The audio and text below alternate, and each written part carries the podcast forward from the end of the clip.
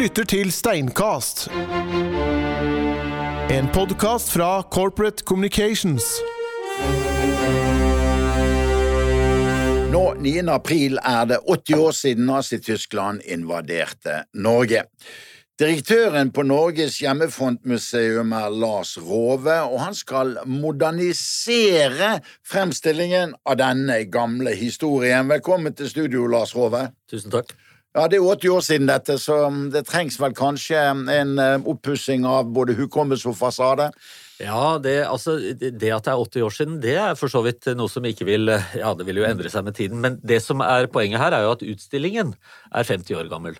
Eh, og da er det jo to måter å forholde seg til den utstillingen på, enten som et, eh, hva skal vi si, en beretning Eh, nå kommer vi straks inn på Otterdalen med en gang, ikke sant? Ja, levning og beretning. Levning og beretning. Eh, jeg mener at det går an å utnytte den også som levning. altså At vi kan se på denne utstillingen på to måter. Vi kan se på den som en realhistorisk framstilling av eh, krigsårene, men også som en fortelling om hvordan man så den perioden i 1970, eh, og også da selvfølgelig snakke om hvem som laget utstillingen. For de som ikke har vært der, så får vi vel skryte av at dette er i det vakre bindingsverkshuset på Festningsvollen på Akershus. Det er dobbelte batteri- og bindingsverkshuset, ja. Det er riktig. er historiefaget samfunnets kollektive hukommelse? Ja, det er det jo, og derfor så må vi være nennsomme i vår behandling av historien, selvfølgelig. Vi må, vi må også bruke historien, syns jeg, til å fremme hva skal vi si, våre verdier. Vi må, vi må uh, illustrere nåtidige problemer gjennom fortidige erfaringer. Vi må, vi må ta det som et utgangspunkt for diskusjon og debatt. Eh, med deg, eh, Lars Rove, har du eh, historieprofessor Tom Christiansen, som er fersk i markedet med en stor biografi om helten fra felttoget i 1940, general Otto Ruge. Da det smalt, så opererte vi, professor Christiansen, med begrepet den forutseende utenrikspolitikken. Var det veldig vellykket? Eh, det var særdeles mislykket, både i Norge, men også i resten av Europa. Eh, utviklingen fram mot krigsutbruddet var ikke forutsett av noen, selv ikke i de landene som hadde større ressurser, f.eks. Storbritannia og Frankrike i 1939, ei heller USA eh, i 1941. Så ingen forutså det som var i ferd med å skje på slutten av 1930-tallet. Men jeg vil si én ting, og det er kanskje viktig. Årene fra Tsjekkoslovakia-krisen i 1938 og fram til krigsutbruddet i, i, Norge, men også ute i Europa, ble opplevd som en førkrigstid. Problemet var at ingen visste når krigen ville komme, eller mellom hvem. Men at en krig ville komme, det var de aller fleste overbevist om etter, i hvert fall etter 1938. Lars Rove, etterpå fikk vi eh, diskusjon med parolene 'Det brukne gevær', 'Aldri mer 1940'. Eh, men tror du at vi ville vært så mye bedre rustet i 1940 hvis de borgerlige, og ikke Arbeiderpartiet, hadde styrt kongeriket Norge? Nei, det, det, tviler jeg på. Eh, jeg tror jo at eh, tiden fram mot uh, krigsutbruddet og invasjonen uh, som vi ble utsatt for, uh, var preget av en forvirring. Det var en forvirringens tid, som du selv, en tittel du selv har brukt. Men, men så, så, så, det å forvente noen voldsom beredskap fra vår side, tror jeg nok kanskje er å gå langt i, i Vi må huske på at vi også var et nøytralt land. ikke sant? Vi ønsket å stå fast ved vår nøytralitet. Så jeg tror, eh, tror, det er lett å være etterpåklok i den eh, sammenhengen. Eh, Tom Christiansen, eh, så kommer altså krigen, og fra oberstgrad så skvetter Otto Ruge opp til å bli det som på den tiden het kommanderende general. Hva skjedde? Det som skjedde, var at han de første to dagene etter den tyske invasjonen framsto for regjeringen og forsvarsledelsen som den som ønsket å ta opp kampen, og han mente landet av nasjonale historiske grunner ikke kunne gi seg uten å ha tatt opp kampen. Regjeringen opplevde forsvarsledelsen som defaitistisk. Og der sto Christian Låke som sto- kommanderende general. Ja, Ruges gamle kollega og overordnede gjennom nesten ti år. Men regjeringen opplevde generalstaben som eh, defaitistisk og som eh, villig til å gi seg, og da var det Ruge allerede sent på kvelden 10. april ble oppringt av både Halvdan Koht og av Trygve Lie, som spurte er du interessert i å overta oppgaven, og han svarte ja, og ble utnevnt offisielt 11. eh, april på morgenen som kommanderende general. Var han en feltoffiser, eller Han var var- han en skrivebordsgeneral? Han var definitivt begge deler. Denne mannen har det vært en del myter og misinformasjon om. Gjennom hele sitt liv var han en pasjonert feltoffiser. Selv da han satt i krigsfangenskap i Tyskland, så gikk han sine daglige turer på inntil 20 km for å holde seg i form. Han var aktiv i skytterbevegelsen nasjonalt og internasjonalt. Han var den som innførte feltøvelser obligatorisk for generalstabsoffiserene fordi han ville unngå denne eh, eh, motsetningen mellom skrivebordsoffiseren og feltoffiseren. Og jeg tror det er viktig å minne om at det går an å kombinere begge deler. Eh, Det er ingen umulighet å både være en intellektuell og en skrivebordsoffiser eh, som er i stand til å tenke og utrede, og en som er i stand til å drive militære avdelinger og militære operasjoner. Så skillet mellom feltoffiser og skrivebordsoffiser tror jeg ikke er fruktbart for å forstå eh, offiserer. Og Tor Ruge hadde altså to tanker i hodet samtidig. Det kan du godt si. Lars Rove fra Norges Hjemmefrontmuseum. Eh, fikk vi et varsel om eh, eh, invasjonen som vel het Operasjon Vesa Ybong. Ja, det tror jeg kanskje Jo. heller Tom skal svare på. Ja, det skal jeg gjerne svare på, fordi at i europeisk diplomati så verserte det helt fra februar-mars en endeløs rekke av rykter og varsler om at noe var i ferd med å skje i Tyskland. Det var snakk om kraftsamling, det var snakk om konsentrasjon av tropper, og så i begynnelsen av april utskiping av tropper fra nordtyske havner. Eh, det er det liten tvil om. Det som er problemet, er at ingen, som vi allerede har vært inne på, verken i USA, eh, eh, Storbritannia, Frankrike eller Skandinavia, hadde sett for seg et krigsscenario, et krigsbilde, et angrep med, den, med det omfang, den styrke og den målsetting som Weserübung eh, representerte.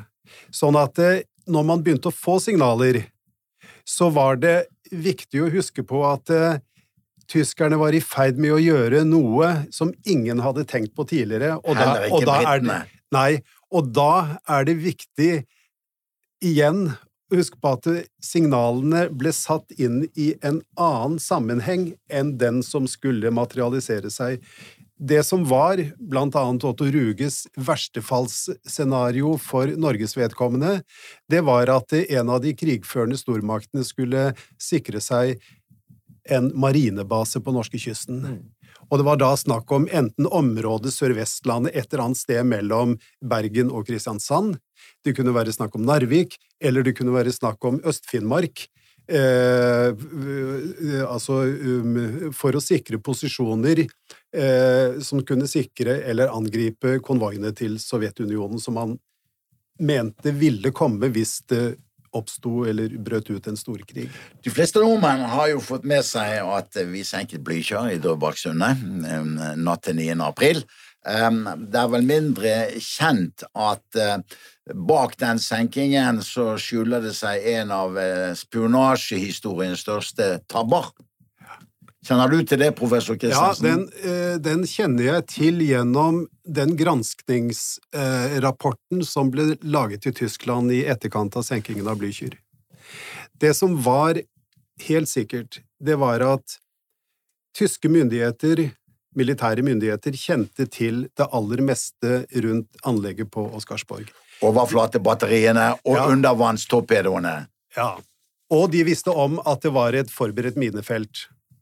Men hvis du ser på den angrepsstyrken som kom opp Oslofjorden 9. april, så ser du at de seilte mot Oslo uten å ha gjort klart skip klart til kamp. Sånn at det viktigere enn om de kjente detaljene i beredskapsnivå og ildkraft på Oscarsborg, er det faktum at de ikke trodde de ville bli møtt med motstand. Til tross for at de så vidt hadde blitt beskutt lenger ut i Oslofjorden. Men de, eh, de kom altså seilende mot uh, Oslo med surrede kanoner. Drivs, eh, flydrivstoff i, i fat, i, i udekkede rom og den typen ting. Avdøde general Bjørn Egge fortalte en gang at han mente å vite at Abwehr, den tyske etterretningstjenesten, visste om disse undervannstorpedoene. Men det var uh, sikkerhetsgradert så høyt at bare flåtesjefen som lå og sov da de passerer Drøbak, visste om det, så hadde han glemt å fortelle det til skipssjefen på Blücher, mm. som trodde han seilte inn i klart farvann. Lars Rove, det reddet jo konge og regjering fra å bli tatt til fange. Det gjorde det, og det var uhyre viktig, som jo også Tom har eh, eh, illustrert med sin bok om Otto Ruge, hvor nødvendig det var for, vår, for nasjonen å forsinke tyskerne lenge nok til at vi fikk den utgangen vi fikk med, med eh, da kongens eksil fra Tromsø til England i mm. den 10. juni, var det vel.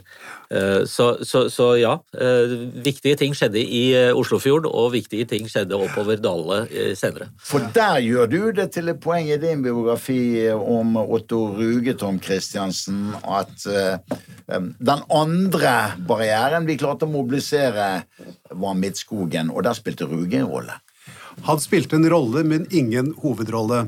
Hovedrollen eh, under trefningen på Midtskogen, som egentlig er et vi kan nesten kalle det et avgjørende slag i miniatyr, fordi det redder kongen og regjeringen fra eh, fangenskap, eh, tysk fangenskap. Eh, så Ruge kommer inn på slutten av den, av den planleggingen. Det er altså en av Ruges yngre disipler senere general Olav Helseth, som er en av hovedfigurene der med offiserene på Terningmoen. Major i 1940. I, i 1940, ja. Og for så vidt en mann du kjenner, eh, Odd Mølster, også senere general. Han var adjutant på Terningmoen på Infanteriets skyte- og vinterskole den gangen. Også en sentral figur, litt bak kulissene, men under denne episoden på Midtskogen.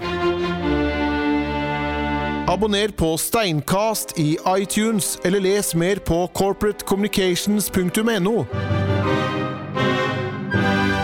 Lars Rove, Norges hjemmefrontmuseum er jo vår vokter når det gjelder hukommelsen. Eh, veldig mange nordmenn så for et par år siden filmen 'Kongens nei' om de første ti dagene av krigen. Hva syns du som faghistoriker om at denne filmen ikke nevnte elveromsfullmakten med et eneste ord? Eh, altså, jeg forstår at hva skal vi si, de kunstneriske framstillingene av historien ofte må konsentrere sitt budskap eh, på en måte som gjør symbolet sterkere. Og i denne sammenhengen så er det ett viktig symbol, og det er kongen. Det er kongen som symboliserer vår felles motstand. Det er jo også hele institusjonens funksjon. Det er klart at historien i seg selv, som, eh, som, historikere, spesialister som Tom og andre eh, kan påpeke, er jo mer komplisert. Det var jo regjeringens nei vi, eh, vi her står for. Men for filmatiske eh, behov så kan jeg forstå hvorfor beslutningen ble så eh, men, men, for alle som ikke har dette helt present Elveromsfullmakten var jo skrevet av C.J. Hambro. Hans statue står foran rådhuset på Elverum. Ja. Og det ble jo da styringsfullmaktene for London-regjeringen i fem år. Ja. Man kan jo ikke la være å omtale det. Spørsmålet er om ikke det er en annen film. Mm. Kanskje. Du er snill, i hvert fall. Eh, så slås Norge nesten to måneder lengre enn Polen, lengre enn Frankrike. Professor Tom Christiansen, hvor viktig var general Otto Ruge for at vi klarte å holde ut så lenge? Jeg tror ganske enkelt at han var avgjørende i beslutningene om å ta opp kampen. Regjeringen bestemte seg for motstand i morgentimene 9. april, og regjeringen kontaktet britiske myndigheter, franske myndigheter, allerede i morgentimene 9. april. Og svaret fra britene kom på formiddagen 9. april om at hjelp ville komme i stor mengde og raskt. Det skjedde ikke, men det er en annen historie. Men så beslutningen om å ta opp kampen var allerede tatt da Ruge kom inn i bildet 9.-10. april. Det som er viktig, er at han, til tross for defaitismen i militærledelsen, ga regjeringen råd om å holde fast på motstandslinjen, og det at han mente han hadde en idé om hvordan dette kunne gjøres militært. Og der kommer for eksempel også Blücher-saken inn, fordi senkingen av Blücher førte ikke bare til at kongen og regjeringen fikk anledning til å, og Stortinget fikk anledning til å forlate Oslo, men det førte også til at de tyske styrkene som skulle til Oslo, kom i uordnet eh, stand i land og måtte bruke noen dager til å reorganisere seg før offensiven ut av Oslo starter. Lars Rove, var det uh, han har sagt skytterlagsfolkene som reddet kvelden i 1940, uh, eh, der kanskje de krigsskoleutdannede var mer passive, som Kristiansen uh, skriver i sin bok? Ja, det er jo klart at eh, den, den, motstandsviljen de representerte, ble veldig viktig, helt sentral, eh, på kritiske punkter i, eh, i den tiden rett etter angrepet. Selvfølgelig. Min gamle rektor, han het Odd Orheim, han var på kampene mot Elverum og var troppssjef Fenrik. Og de fleste i troppen de var skytterlagsfolk, de var gode skytte. Så bommet de hele tiden, inntil de gikk opp for troppssjefen at de bare skjøt etter beina, og da skreik Odd Orheim fortalte han 'sikt på brøstet, for faen'! Var vi fremmed for det å krige, Rove? Jeg tror det. Jeg tror vi i stor grad har vært det lenge, og jeg tror på mange måter vi er det ennå. Eh, det er jo selvfølgelig noe vi må eh, diskutere hele tiden. Det finnes miljøer, det finnes sterke strømninger i eh, norsk politikk som selvfølgelig er opptatt av at vi ikke skal gjøre det. Vi er jo alle, og, og kanskje dermed også eh, har noe hva skal jeg si, lenes mot det, mer, det mindre beredskapsorienterte. Og det, det, det, er jo noe vi kan diskutere i en museal sammenheng også. Dette er type spørsmål vi er nødt til å bringe på banen. ikke sant? Du er forholdsvis fersk i jobben som direktør for Norges hjemmefrontmuseum etter den legendariske Arnfinn Moland, som drev det i mange år. Og nå skal du modernisere fremstillingen. Uh, kommer til å koste penger, dette. Er dere sultefòret på budsjettsiden? Ja, det er vi. Det er vi absolutt. Vi konkurrerer som en del av uh, Forsvaret med dets spisse ende. Vil si at vi taper helt konsekvent i kampen om uh, budsjettkroner når, uh, når, man skal prioritere F-35 og andre ting. Og det har vi for så vidt en forståelse for. Det Forsvarets oppgave er tross alt å bygge landets beredskap. Men vi mener jo at vår rolle som kulturformidler og bærer er undervurdert. Eh, og ønsker selvfølgelig da å, eh, å styrke den. Uh, på den annen side så skal dette her formidles. I min hjemby Bergen så holder en gruppe akademikere på å etablere et Gestapo-museum, og har fått så å si finansieringen ordnet gjennom private sponsorer. Ja. Kan ærverdige Norges hjemmefrontmuseum ta tiggerstaven fatt og gå ut og finne sponsorer? Det gjør vi. Det gjør vi, og det ønsker vi å se nærmere på muligheten for, for, for videre utvikling av. Uh, tiggerstaven eh, er, eh, kan være viktig for oss, ja, absolutt. Som faghistoriker så har du jobbet med sovjetisk historie, og før krigsutbruddet i 1939 så sendte Nygaardsvold-regjeringen den senere nazisten politiinspektør Jonas Lie til Kirkenes for å sjekke beredskapen mot russerne. Skjønte vi ikke helt hvilken vei faren kom fra? Ja, men vi må jo også huske på at i den perioden så lå vårt naboland Finland under en tung trussel fra øst. Eh, og vi, eh, vi det, det, området Jonas Lie skuet utover da han gikk langs Pasvikelven, var jo det som da het Petsamo. Eh, finsk Petsamo, som senere ble eh, okkupert, og i 1944 tilbakeført til eh, Sovjetunionen, så da som Petsjenga. Eh, igjen, vi var inne på forvirringens tid. Truslene materialiserte seg på alle kanter, og man kunne rett og slett ikke vite hvor det, det, det skulle komme fra, dette. Spørsmål til begge to. har vi i vår nasjonale patriotisme etter andre verdenskrig gjort oss skyldig i fortielser og fortegnelser i vår beskrivelse av andre verdenskrig, Tom Christiansen? Eh, jeg ville ikke brukt de begrepene, fordi i årene fra 1940 og la oss si til langt utpå 1960-tallet, så var fokus i krigshistoriske framstillinger, det var frihetskamp, motstand, den typen saker. Eh, internasjonale relasjoner, hvorfor kom 9. april, kunne det ha vært unngått. Men fra slutten av 1960-tallet så skjer det en endring, og det er særlig en historiker som Hans Fredrik Dahl som begynner å se på ny tematikk, nye temaer i krigshistorien.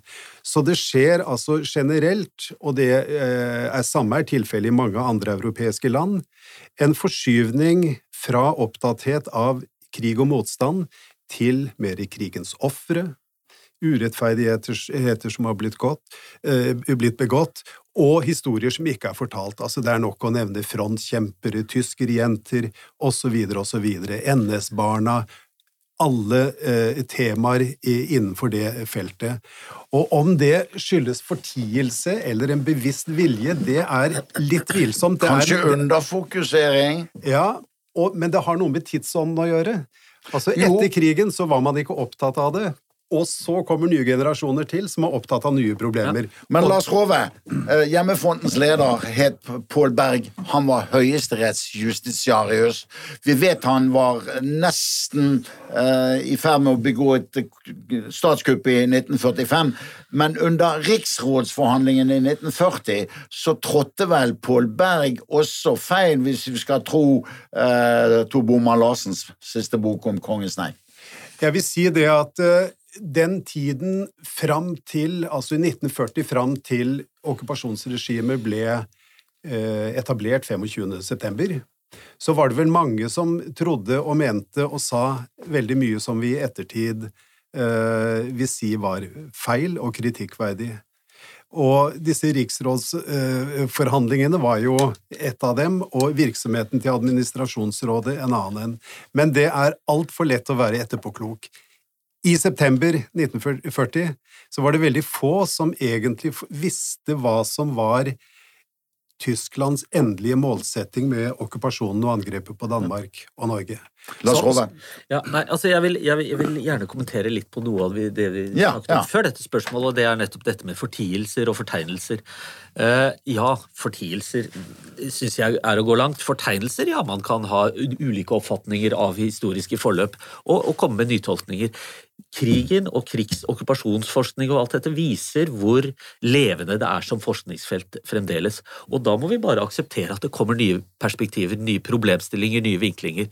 Jeg syns en, en, eh, bidragsyter som, eh, som, i mer populærvitenskapelig sammenheng har bidratt sterkt nå i det siste, er eh, Marte Michelet, som for meg har introdusert begrepet 'det norske holocaust'. Ikke sant? Ja, det var et holocaust. Det skjedde også i Norge, og det har hun hevet hva skal vi si, den all, allmennhetens oppmerksomhet eh, kraftig.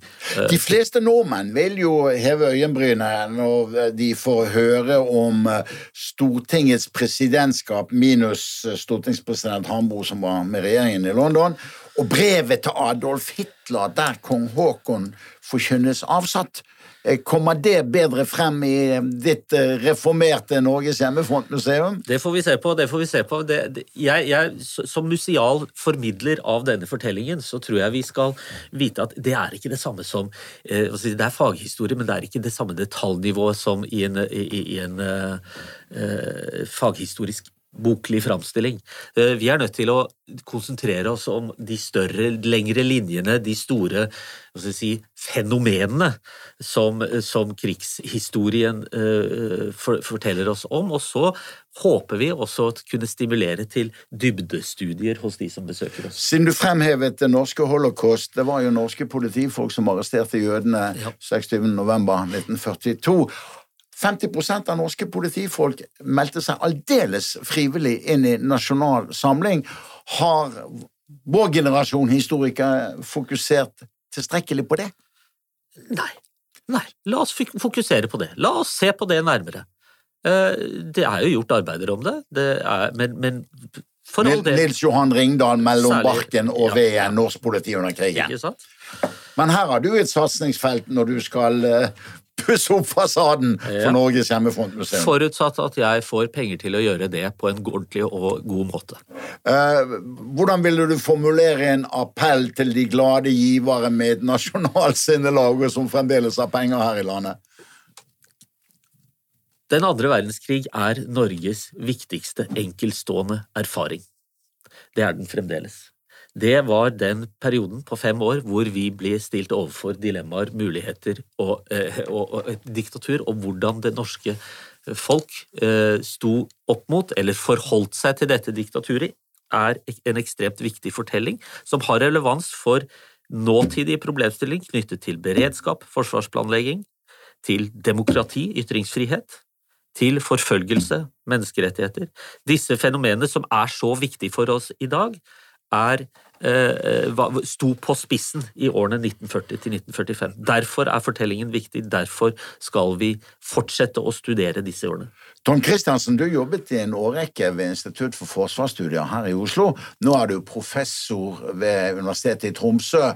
Eh, Minnene om krigen eh, her sørpå, skiller det seg fra de tanker man gjør seg i Nord-Norge?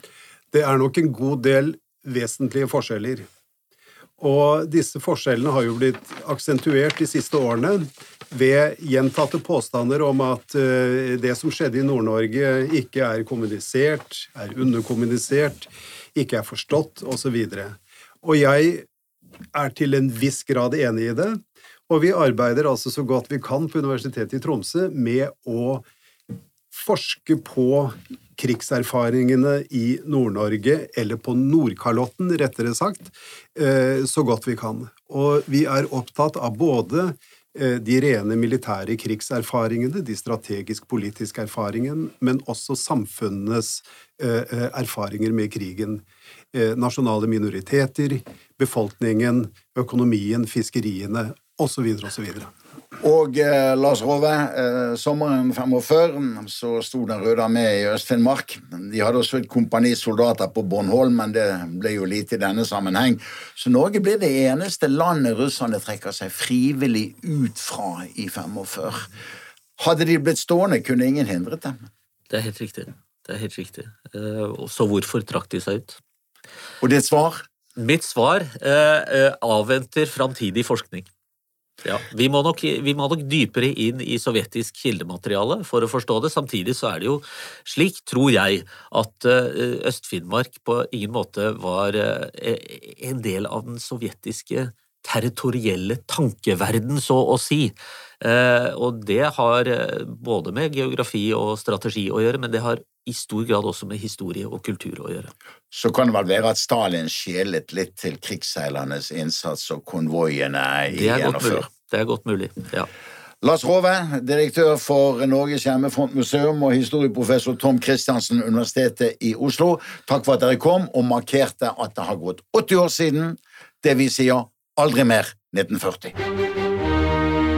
Du hørte på Steinkast. En podkast fra Corporate Communications.